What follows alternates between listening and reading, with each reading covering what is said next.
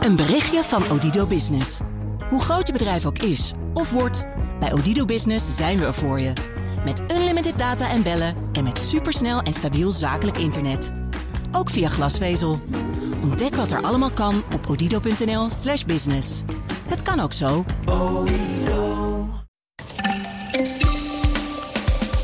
De veiligheidsdiensten AIVD, MIVD en NCTV slaan samen alarm om spionage vanuit Rusland en vooral vanuit China.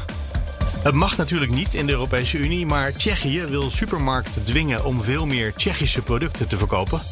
En na het vertrek van Donald Trump krijgt de Wereldhandelsorganisatie WTO nu weer een kans te ontwaken. En degene die de WTO mag wakker kussen is de Nigeriaans-Amerikaanse econoom Ngozi Okonjo-Iweala. Dit is Nieuwsroom, de dagelijkse podcast van het Financiële Dagblad en BNR Nieuwsradio. Met het nieuws verteld door de journalisten zelf. Ik ben Mark Beekhuis en het is vandaag donderdag 11 februari. Hallo, Johan Leupen van het Financieel Dagblad. Hi. Laat ik gewoon eens beginnen met de eerste alinea, de lead. Of wat zeggen jullie? Het, het vette stuk uh, aan de eerste alinea van de krant, hoe noemen jullie die? Ja, de intro. De intro. Ja, ja, ik heb ooit een Engels woord geleerd daarvoor, realiseer ik me. De lead. Uh, even goed. De Nederlandse economie wordt bedreigd door digitale spionage uit China en Rusland. Dat zeggen de veiligheidsdiensten. En dat laatste stuk van die zin, na de komma, is al interessant, want ze zeggen dat met z'n drieën samen. Ja. Zullen we daar eens beginnen? Want dat eerste, dat, nou, daar moeten we het ook over hebben. Hoe dat dan werkt en waar dat uit blijkt. Maar dat ze met z'n drieën optrekken, dat is ook alweer nieuw. Absoluut. Uh, dat, dat is volgens mij niet eerder gebeurd dat ze zo naar buiten gaan. Uh, het is toch een beetje een versnipperd een versnipperde situatie geweest in het in veiligheidsland in Nederland. Uh, die diensten trekken, en dan hebben we het over de AIVD, hè, de inlichtingendienst, en de MIVD, de militaire tak, zeg maar. Die ook uh, in buitenlandse operaties doen, undercover. Ja. Die, die hebben altijd een beetje langs elkaar heen geleefd en gewerkt. die, natuurlijk delen die wel informatie, maar dat is toch nu de bedoeling ook dat het naar een veel hoger plan gaat. Uh, en en dat, ze, ja, dat ze nu samen optrekken, ook met de NCTV, dat is de terrorismecoördinator, antiterrorismecoördinator, die ook een beetje uh, beleid maakt op basis van, van de inlichtingen die ze krijgen van die twee diensten. Dat ze nu samen de handen in één proberen te slaan en ook, ook met het bedrijfsleven proberen uh, en, en, en ja, wat meer een, een, een, dialoog op te, op te zetten. Dat is toch wel bijzonder. Dat, dat, uh, dat hebben we eh, eigenlijk niet eerder gezien dat, dat, uh, dat zo geprobeerd is. Ja, in de afgelopen jaren, daar heb ik het met Stijn van Gils over de ICT, schrijft hij heel veel. daar heb ik het wel eens over gehad. Dat de geheime diensten wel vaak met grote bedrijven, de belangrijke infrastructurele bedrijven vooral, contact opnemen als er problemen zijn met hun ICT of met iets met hun infrastructuur waar ze wat mee moeten. Ja. Uh, dat is het begin van de dialoog met de bedrijven. Ja. Maar de rest van Nederland, die wil het ook heel graag. Die, je wil natuurlijk gewoon de melding krijgen van de geheime dienst als je hack, hackbaar bent. Ja. Uh, en, en dat stuk, dat, dat is nog in ontwikkeling. Dat willen die, bedrijven, die, die diensten willen dat ook wel eigenlijk. Nou ja, dat, dat is inderdaad het, het, uh, heel lastig koord om te bewandelen hier. Want ze willen een veel, veel uh, intensievere uh, verhouding, relatie hebben met het bedrijfsleven in Nederland. En die bedrijven zelf ook. Alleen dat kan niet altijd. Uh, ik denk dat je gelijk hebt dat nou, de KPN's van deze wereld en ASML, die hebben echt wel lijnen lopen. En die weten ook wat ze moeten doen. Die weten ook dat ze iedere dag onder vuur liggen. Um, het gaat ook natuurlijk om MKB, eh, om, eh, om een lager daaronder, de veel kleinere start-ups die, die hele interessante kennis hebben. En dat ze misschien zelf nog niet eens weten dat, dat, dat, dat, zo, dat ze iedere dag ook onder vuur liggen. En, en ook helemaal niet het geld hebben daarvoor, de kennis om, om, om zich er tegen te wapenen. En hoe praat je nou met die bedrijven? en de kritiek vanuit het bedrijfsleven is al, al langer dat die diensten, ja, die, die komen vooral de, de schade opnemen en kijken van nou, oh, wat interessant dat ze dit en dat weggehaald hebben op die manier. Maar de, de, een echte dialoog is het niet. Het is meer eenrichtingsverkeer geweest. Uh, is, is een beetje de veelgehoorde klacht nog, nog steeds. Van, ja, er is geen echt gesprek mogelijk met ze. Maar zei jij nou dat er bedrijven zijn die hele spannende producten aan ontwikkelen, uh, ontwikkelen zijn of diensten. En dat die eigenlijk niet eens doorhebben dat ze interessant zijn voor pak een beetje Chinese spionnen? Ja, je moet ook, je moet ook denken aan uh, voedseltechnologie, waar we ook leidend mee zijn wereldwijd vanuit Nederland. Oh, ja. en, Gentechnologie en dat soort zaken. Zaadveredeling heb je zaadveredeling, de autonome kassen, die dus met kunstmatige intelligentie werken, om helemaal zelfgestuurd te werken. Uh, dat, zijn, dat, zijn, dat zijn oplossingen voor gigantische problemen in, in de Chinese maatschappij, potentieel. De, die proberen gewoon echt alles wat, uh, wat, daarmee te maken heeft in handen te krijgen. En dan op, op de, de, via de voordeur en de achterdeur. Dus ze sponsoren ook heel veel prijzen en onderzoeksprogramma's aan universiteiten zoals Wageningen op dit gebied.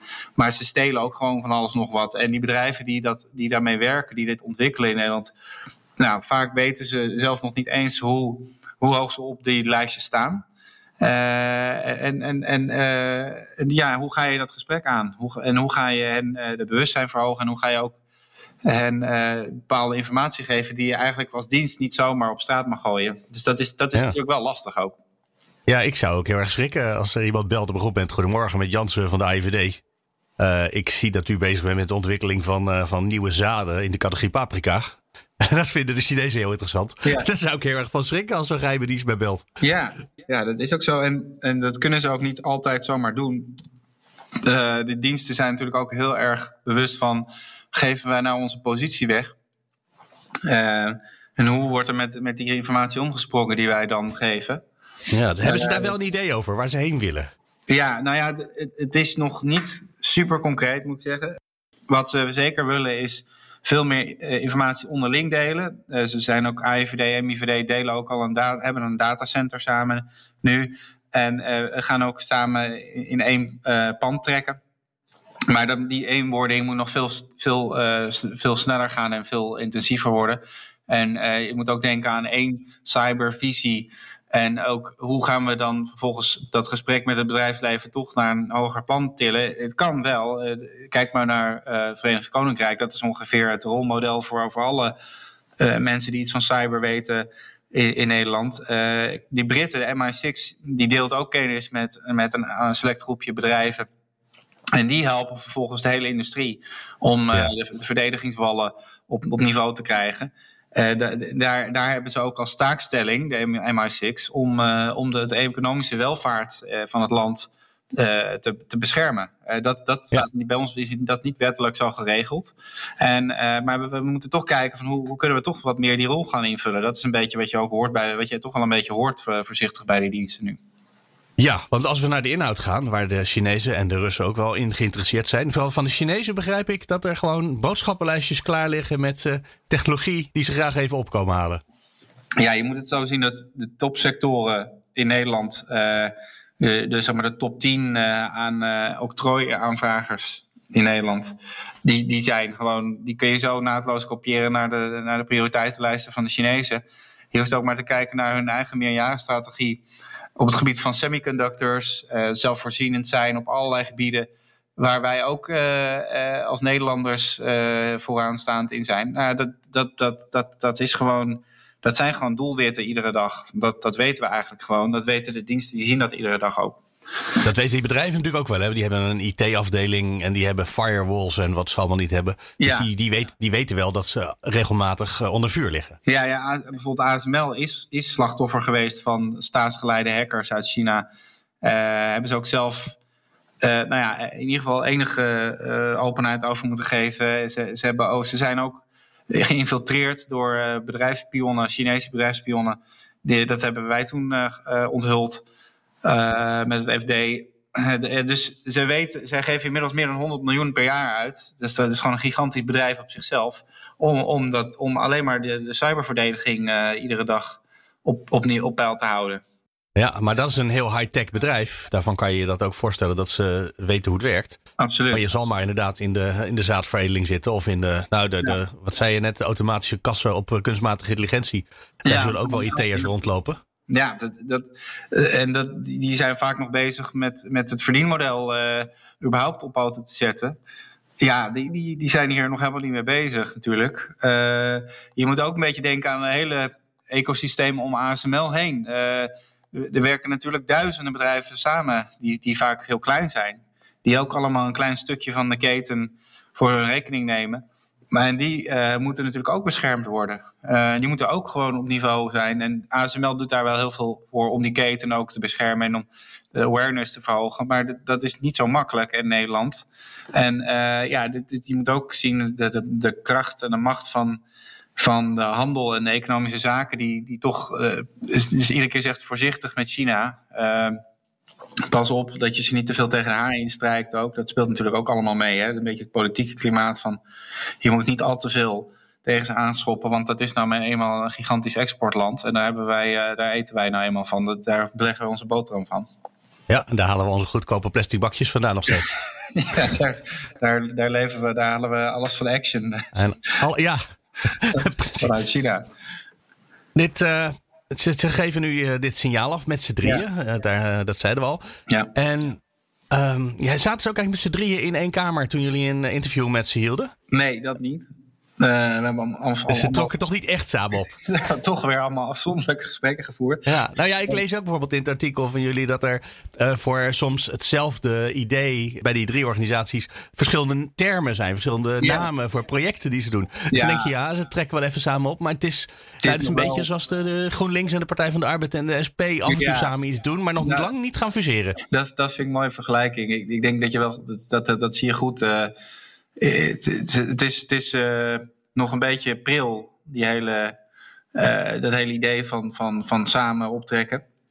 Het zijn ook echt cultuurverschillen tussen die drie, die, twee diensten moet ik zeggen, en, en de antiterrorisme-coördinator.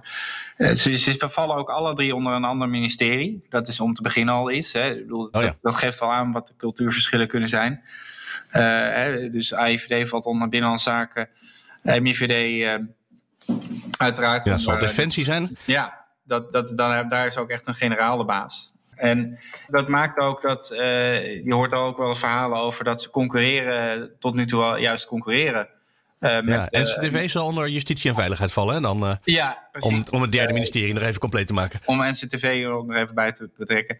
Precies. Je, je, je, hoort vaak dat ze tot nu toe vooral concurreerden om, om, om, om, om budgetten. En dat er zelfs van die uh, ja, dat, dat het stelsel was dat als MIVD dan een hogere claim indiende voor geld, dat de AIVD daar dan weer overheen moest.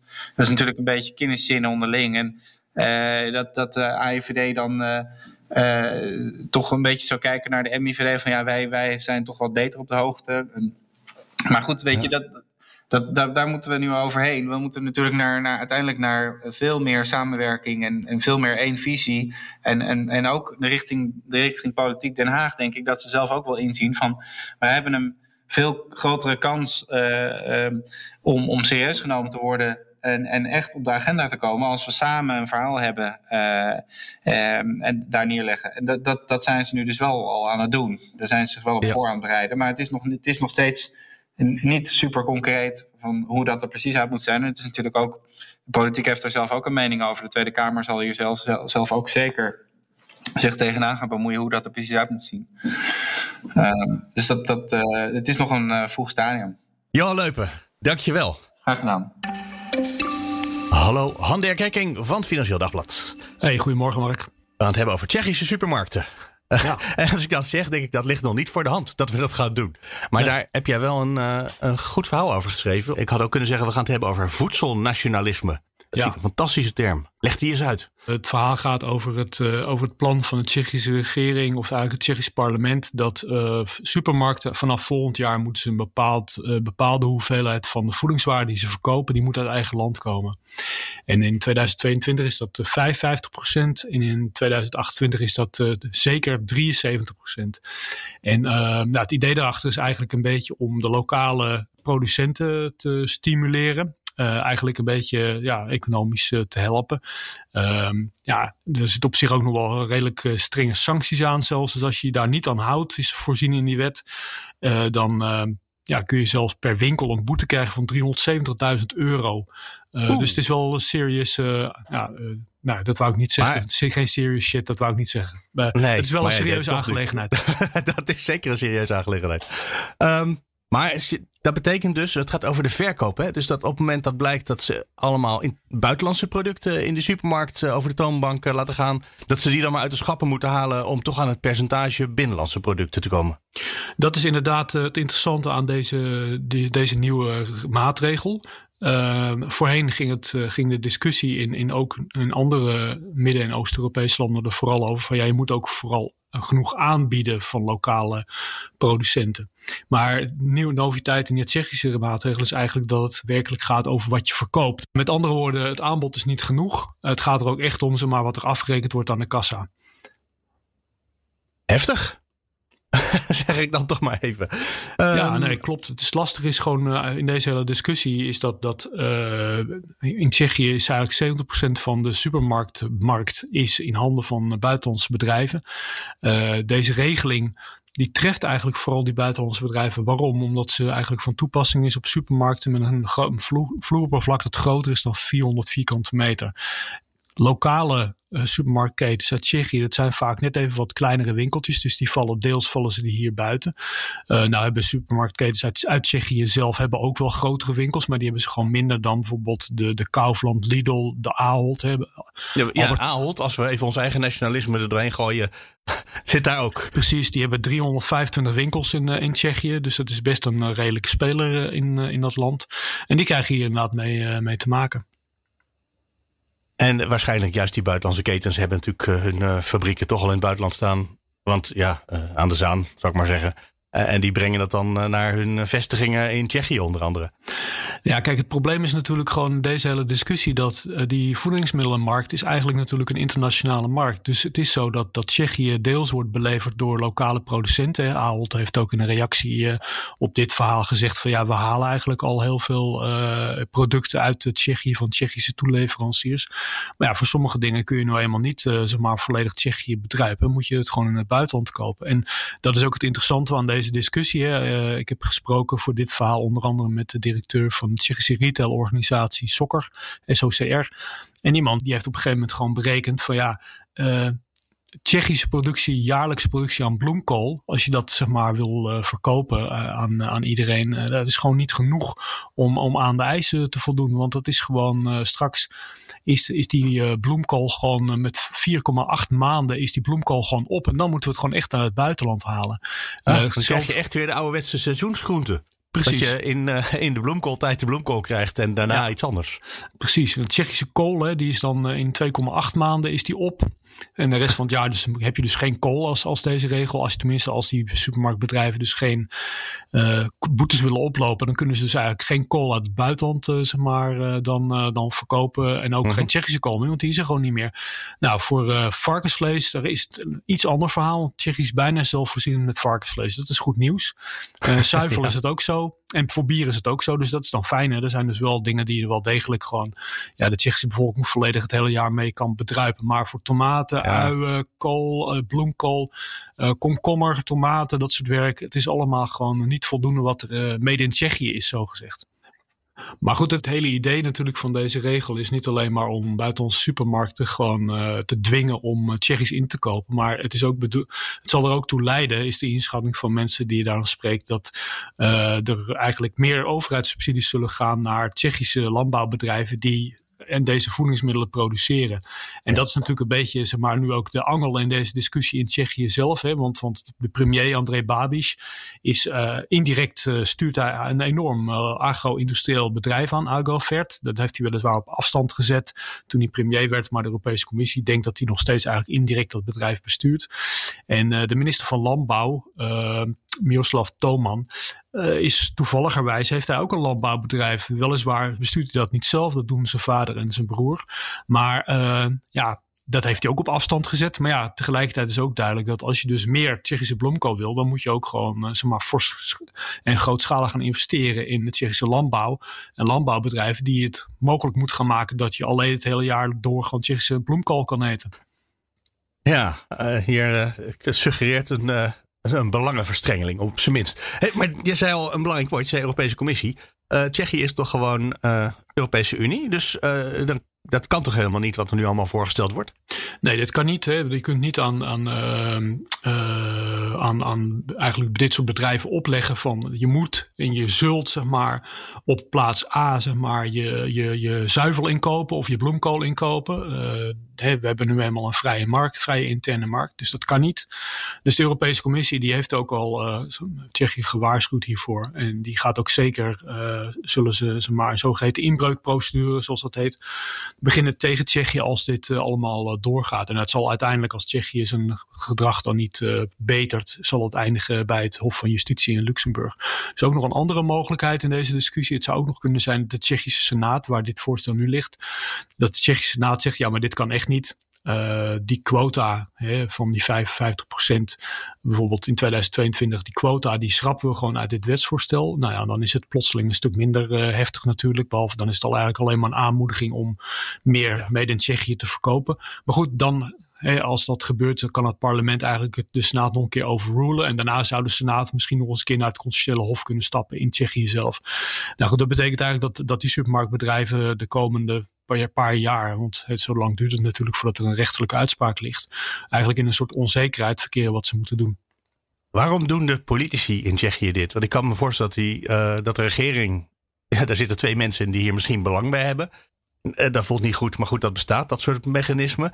Maar de rest van de politiek gaat hier kennelijk ook in mee, want die stemmen hiervoor en die gaan misschien de Senaat overroelen, beschrijf je al. Terwijl dit moet heel impopulair zijn onder de bevolking. Dat ze straks een deel van het jaar maar bloemkool kunnen kopen. En dat ze anders sowieso meer subsidie aan die landbouwbedrijven kwijt zijn. Dus dat is gewoon belastinggeld wat je dan kwijtraakt. Dit, daar, daar kan toch de bevolking niet enthousiast over zijn? Nou, de grap is eigenlijk dat je in Midden- en Oost-Europa en in meerdere EU-lidstaten zie je eigenlijk dat uh, politici juist uh, scoren met de boodschap van we keren ons tegen buitenlandse ketens, buitenlandse supermarktketens. Uh, want ja, die verkopen jou dubieuze waren en, en daar komt nog een beetje een ander gevoel bij. Hè, toen, toen de muur viel en, en toen eigenlijk zeg maar, veel van dat soort lidstaten zich begonnen voor te bereiden op toetreding tot de Europese Unie. Toen hebben ze markten geopend. En wat is er gebeurd? Er zijn heel veel westerse bedrijven, zeker in de levensmiddelenbranche, die zijn in die, landen actief uh, geworden. En ook op het niveau dat, dat er dus in heel veel landen gewoon echt een, eh, een, ja, een enorme dominantie is van wat zij ervaren westerse bedrijven. Ik zei al, in Tsjechië is dat 70 procent, uh, zeg maar. In andere landen ligt dat zelfs nog hoger. Het is niet alleen Tsjechië waar dit dus ook speelt. Uh, Slowakije, Bulgarije, Roemenië, Polen, Hongarije is allemaal eigenlijk een gevoel van ja, maar overal zien we de Lidl, overal zien we de Duitsers, hè, zeggen ze dan bijvoorbeeld. En de Duitsers bepalen eigenlijk wat we eten. En dan bieden ze ons ook nog slechte waren aan. Nou, dat verhaal dat gaat Is dat eigenlijk... zo trouwens? Dat ze echt mindere producten in de schappen hebben daar. Want het is toch gewoon een iglo als het iglo is? Nou ja, dat is een, een goed punt. Kijk, uh, het verhaal gaat al jarenlang, doet dat de ronde. Op een gegeven moment heeft de Europese Commissie gezegd van, ja, we gaan het onderzoeken, hè, want dat kan natuurlijk niet dat, dat uh, burgers in, uh, in, in de nieuwe lidstaten, zoals dat dan heet, hè, die toetraden in 2004 en 2007 tot de EU, dat die mindere waren zouden krijgen, dat de kwaliteit minder is. Nou, dat, on, dat hebben alles eigenlijk met andere woorden hebben ze dat uh, zeg maar onder de loep genomen. En eigenlijk in 2019 kwam dat onderzoek uit. Het bleek eigenlijk uit dat alleen voor vissticks geldt dat er in vissticks in Midden- en Oost-Europa minder vis zit dan bijvoorbeeld de vissticks die jij en ik zouden kopen in Nederland. Maar voor de rest is het eigenlijk een uh, onzin verhaal en heeft het ook deels te maken dat producten bijvoorbeeld in westerse supermarkten, dat die anders zijn is vaak ook gewoon omdat westerse voedingsmiddelenfabrikanten of voedingsmiddelenfabrikanten uh, in het algemeen, die hebben gewoon houden rekening vaak met de lokale uh, smaak bijvoorbeeld of zo. Uh, ja. En soms is het ook zo van dat bijvoorbeeld uh, een van de, de, aannames is dan van ja, we krijgen minder goede chocoladerepen. Nou, hoe komt dat dan? Nou, dat komt dan omdat bijvoorbeeld ja, als je in Bratislava woont in, in Slowakije en je koopt een chocoladereep van een bepaald merk ja, dan is die chocoladereep gemaakt in, uh, zeg maar, toevallig een fabriek in Slowakije, bij wijze van spreken. Ga je ze maar even de grens over, uh, en dat ligt daar vlakbij, Oostenrijk. Dan krijg je hetzelfde, hetzelfde merk, maar die ziet die chocoladereep er anders uit. De verpakking ziet er ook anders uit. Waarom? Omdat die dan made in Austria of een ander westers land is. Ah, en er zit mensen... toch wel iets van kwaliteitsverschil in. Om namelijk hun eigen fabriek is niet zo goed, zeg je eigenlijk. Nou, het is eigenlijk vooral een, een ander, andere verpakking. Het ziet er anders uit misschien. Alleen het is wel onderdeel geworden van een soort algemeen verhaal van ja, wij krijgen al, wij worden behandeld als tweederangs burgers door westerse voedingsmiddelbedrijven die zeer dominant is. En is, politiek is dat een heel aantrekkelijk verhaal geweest. Je ziet, ziet eigenlijk deze regel in Tsjechië gaat iets verder dan andere regelingen. Maar in Slowakije hebben ze nu een regel waar de Europese Commissie tegen is opgekomen uh, probeert Tsjechië, of uh, Slowakije neem ik kwalijk, de, ervan af te brengen dat Slowakije dicteert dat als je als de Lidl een volletje huis en huis bezorgt met de aanbieding van de week, ja, dan moet meer dan de helft in die volle moet uh, van die aanbiedingen moeten Slo Slovaakse producten zijn, bijvoorbeeld. Hmm. Uh, nou, dat, dat mag ook niet, bijvoorbeeld. Uh, Bulgarije heeft tot voor kort, het is onduidelijk of, of die regeling nu nog steeds geldt, maar voor Bulgarije gold bijvoorbeeld dat ze dicteerde aan supermarkten dat meer dan 90% van het zuivelschap moest zuivel uit de directe omgeving van de supermarkt zijn. ja, dat betekent dat als jij bij wijze van spreken zeg maar, in Noordoosten Bulgarije, Bulgarije zit, ja, dan is het bijna onmogelijk om van die hele grote zuivelfabriek in Sofia bijvoorbeeld eh, zeg maar al dingen te krijgen. Laat staan dat je nog zuivel krijgt van een Duitse fabriek ergens vandaan. Overigens, heel veel zuivel wordt gewoon wel degelijk lokaal daar gemaakt. Maar uh, ja. ja. Dus dit komt in meer landen in meer variaties voor. Dat is eigenlijk wat je beschrijft. Ja, een ander wapen is, ik wil je niet mee en de luisteraars ook zeker niet mee vervelen, maar een ander wapen is ook nog een, eh, een retailbelasting. Dat speelt bijvoorbeeld in Hongarije en in Polen. Daar gaat het vooral om eigenlijk dat ze een soort extra tax heffen over een bepaalde omzet die supermarktbedrijven behalen. En ja, je gelooft het niet, maar toevalligerwijs zijn de buitenlandse supermarkten nou juist degene die worden getroffen door zo'n supermarkttax. Wat een toeval. Waarom? Oh, waarom? Omdat zij gewoon een hele grote, zeggen, zijn vaak grote ketens en ze hebben dus een hele grote omzet. Ja. Nou, de Europese Commissie heeft uh, in het geval van Polen bij die retail tax hebben ze al een keertje eigenlijk Polen geprobeerd uh, van het uh, verkeerde pad af te halen, zo gezegd. Dat is mislukt omdat het Europees Hof de commissie toen in een, het ongelijk heeft gesteld. Maar toevallig gewijs eind van deze maand komt het Hof in eh, de hogere beroepszaak in deze kwestie komt hij met een nieuwe uitspraak. Dus kijken of, eh, of eh, Luxemburg of het Hof van Justitie nu de commissie en dus met andere woorden die retailbedrijven in Polen toch gelijk geeft. Ja, zo eindigen we met een cliffhanger voor het eind van de maand. Uh, het is uh, bijna de helft, dus dat is over een week of drie dat we daar meer van weten. Zo is het. Han Dirk, Dankjewel voor nu. Graag gedaan. Hallo, Daan Ballegeer. Dag Mark. Van het Financieel Dagblad. We gaan het hebben over de WTO, de Wereldhandelsorganisatie. Die een nieuwe voorzitter krijgt, een nieuwe baas. Die krijgt een, eh, nieuwe baas, een, Nigeriaanse, met de mooie naam Ngozi Okonjo-Iweala. Dus uh, even oefenen, want we gaan die naam nog veel moeten uitspreken de komende jaren. En die Mogen we het afkorten, dat uh, Okonjo? Uh, dat, dat, dat zullen we dan uh, zomaar doen. Uh, normaal gezien wordt zij op 1 um, of 2 maart benoemd als directeur-generaal van de WTO. En dat is ook nodig, want die organisatie zit al een tijdje zonder, zonder topman, of in dit geval topvrouw. Dit is interessant dat nu, nou, Trump is nauwelijks het Witte Huis uit. En nu komt de World Trade Organization alweer in beweging. Hè. Die is jarenlang uh, gewoon, ja, hoe ze dat zullen zeggen, in een hoekje gestopt. En die komt er nu met deze mevrouw weer uit. Jij zegt ze is een Nigeriaanse, ze is ook Amerikaans. Hè? Dan klinkt het meteen veel minder exotisch. Ja, dat is allebei heeft, waar ze heeft pas in 2019 haar uh, Amerikaanse nationaliteit gekregen, want ze heeft in dat land uh, decennia gewoond en gewerkt. Maar um, ja, ze is dus eerst en vooral toch, denk ik, uh, Nigeriaans en ze is ook vrij patriotisch, de, wat, wat natuurlijk mag. Hè. Het is niet omdat je een, een brede blik op de wereldhandel hebt, dat je daarvoor niet trots mag zijn op eigen land. en het is inderdaad zo dat met het verdwijnen van Trump er een belangrijk obstakel is geruimd, want Trump die vond haar te internationalistisch, eh, wat in Trump-speak um, beter te vertalen valt als uh, America First. Dus uh, Oconjo die kijkt eerder naar ja, het overleg uh, tussen landen, de consensus over de regels die moeten gelden op het internationaal handelstoneel. Terwijl Trump vond dat daar toch might is right moest gelden, het recht van de sterkste. En die ging er liefst uh, op eigen houtje aan zitten. En vandaar dat hij ook haar kandidatuur eigenlijk tegenhield. Want bij de WTO moet er unanimiteit zijn onder de 164 leden over de directeur-generaal, de benoeming daarvan. En omdat uh, Trump het dwarslag uh, kon dat dus niet doorgaan. Uh, maar Joe Biden, die ondertussen natuurlijk in het Witte Huis is getrokken, die is veel internationalistischer ingesteld en wil toch ook een beetje het imago van Amerika op het wereldtoneel verbeteren. En dus uh, is hij ook niet de man die nu Oconjo gaat tegenhouden. En is dit de mevrouw die de WTO weer los gaat trekken? Want die organisatie die zat natuurlijk toch al, ook voor Trump misschien zelfs al wel, in een lastige situatie met zichzelf en met de rest van de wereld. krijgt zij alles weer in beweging? Ja, het is een hele grote bestelling, want er is de afgelopen jaren eh, nogal wat uh, afbraak voetbal gespeeld binnen de WTO. Uh, de parel op de kroon van dat wereldhandelsorganisatie, van die wereldhandelsorganisatie is het geschil- en beslechtingsmechanisme.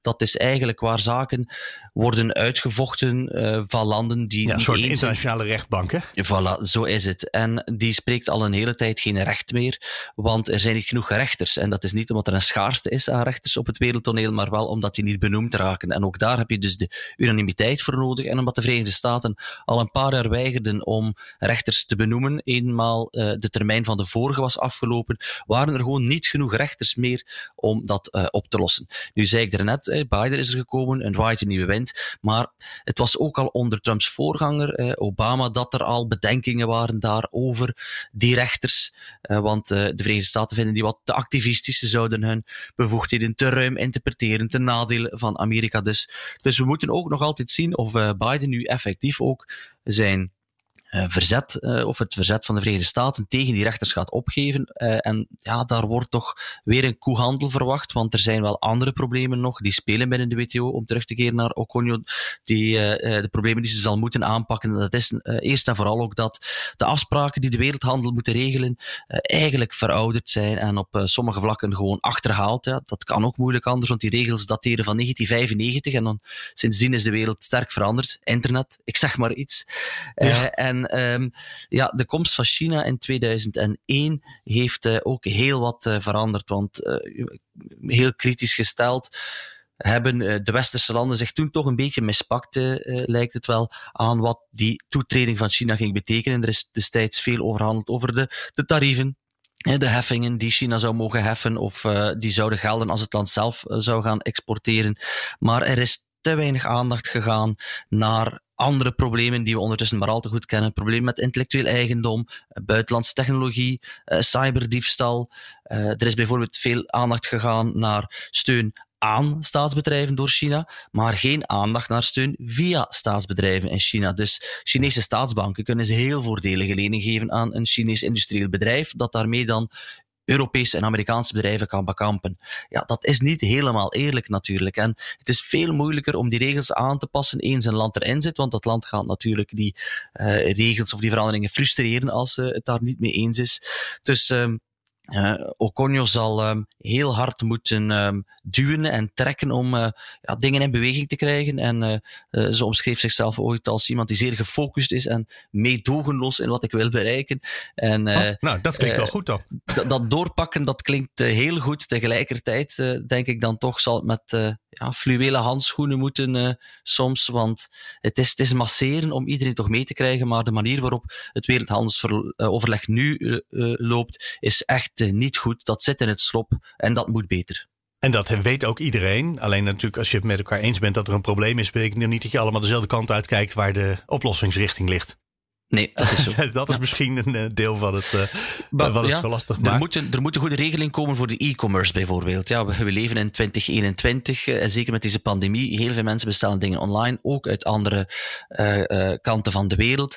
Alleen is het heel moeilijk om daar een, regel over af te spreken of, of welke voorwaarden daarvoor zouden moeten gelden. En dan krijg je landen die zich gaan groeperen, krijg je regionale akkoorden of groepen van landen die denken van dan zullen wij het onder elkaar maar regelen. Maar dat staat natuurlijk haaks op het hele idee van een gelijk speelveld over de hele wereld, waar alle landen en alle bedrijven en burgers kunnen van profiteren. En die mindset van bilaterale akkoorden en regionale akkoorden, die moet uh, Oconjo proberen uh, bij het uh, oude huisvuil te zetten en te zeggen, jongens, we moeten hier echt als groep, als wereldhandel, moeten we hier toch echt een, een andere richting in uit je hebt een profiel geschreven voor de krant en daar komt echt een beeld van naar voren van dit is een, iemand die zeer doortastend is, ook voor het niveau waarop zij zit. Want op dat hoge niveau heb je waarschijnlijk sowieso redelijk veel doortastende talenten nodig.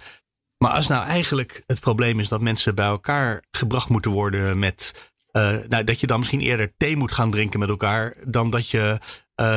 Ja, zoals ik het wil, zo gaan we het doen. En anders krijg je een schop. Citeer ik even je artikel. Bijna. Is dan zij de goede persoon voor die plek op dit moment?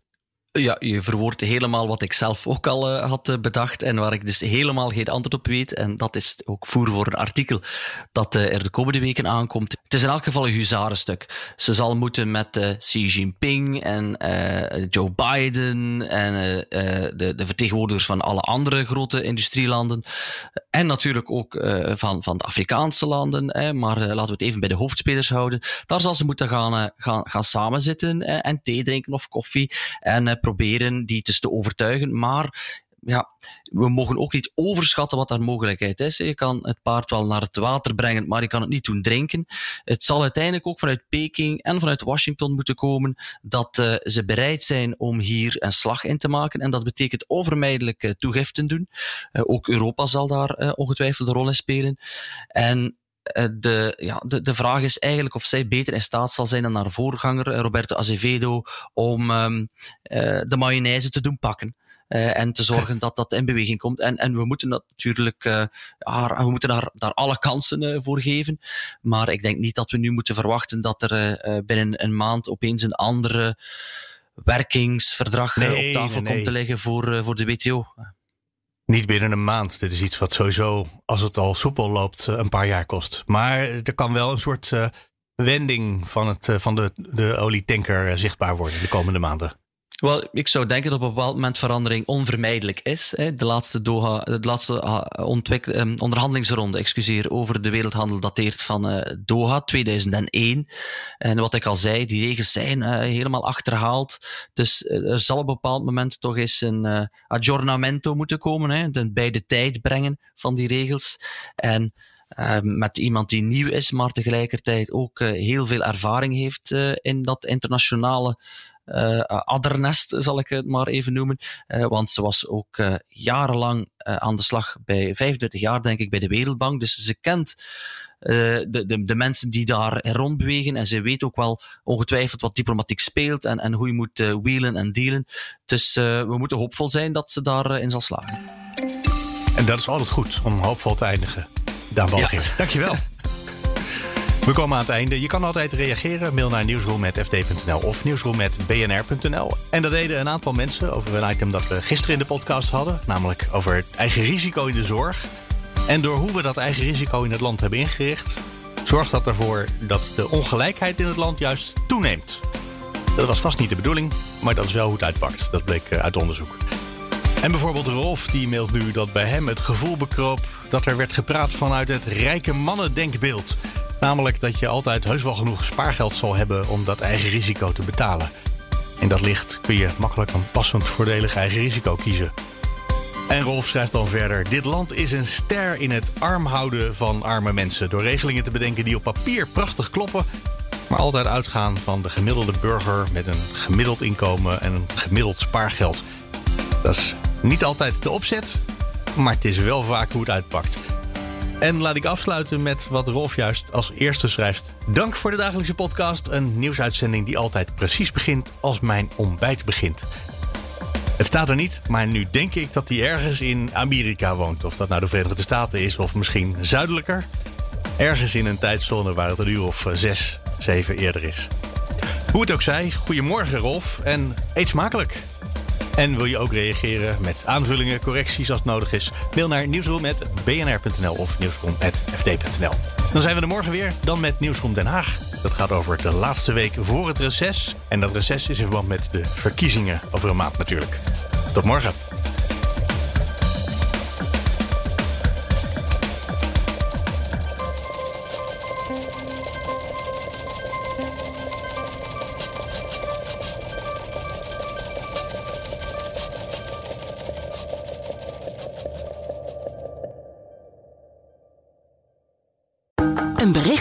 Odido Business.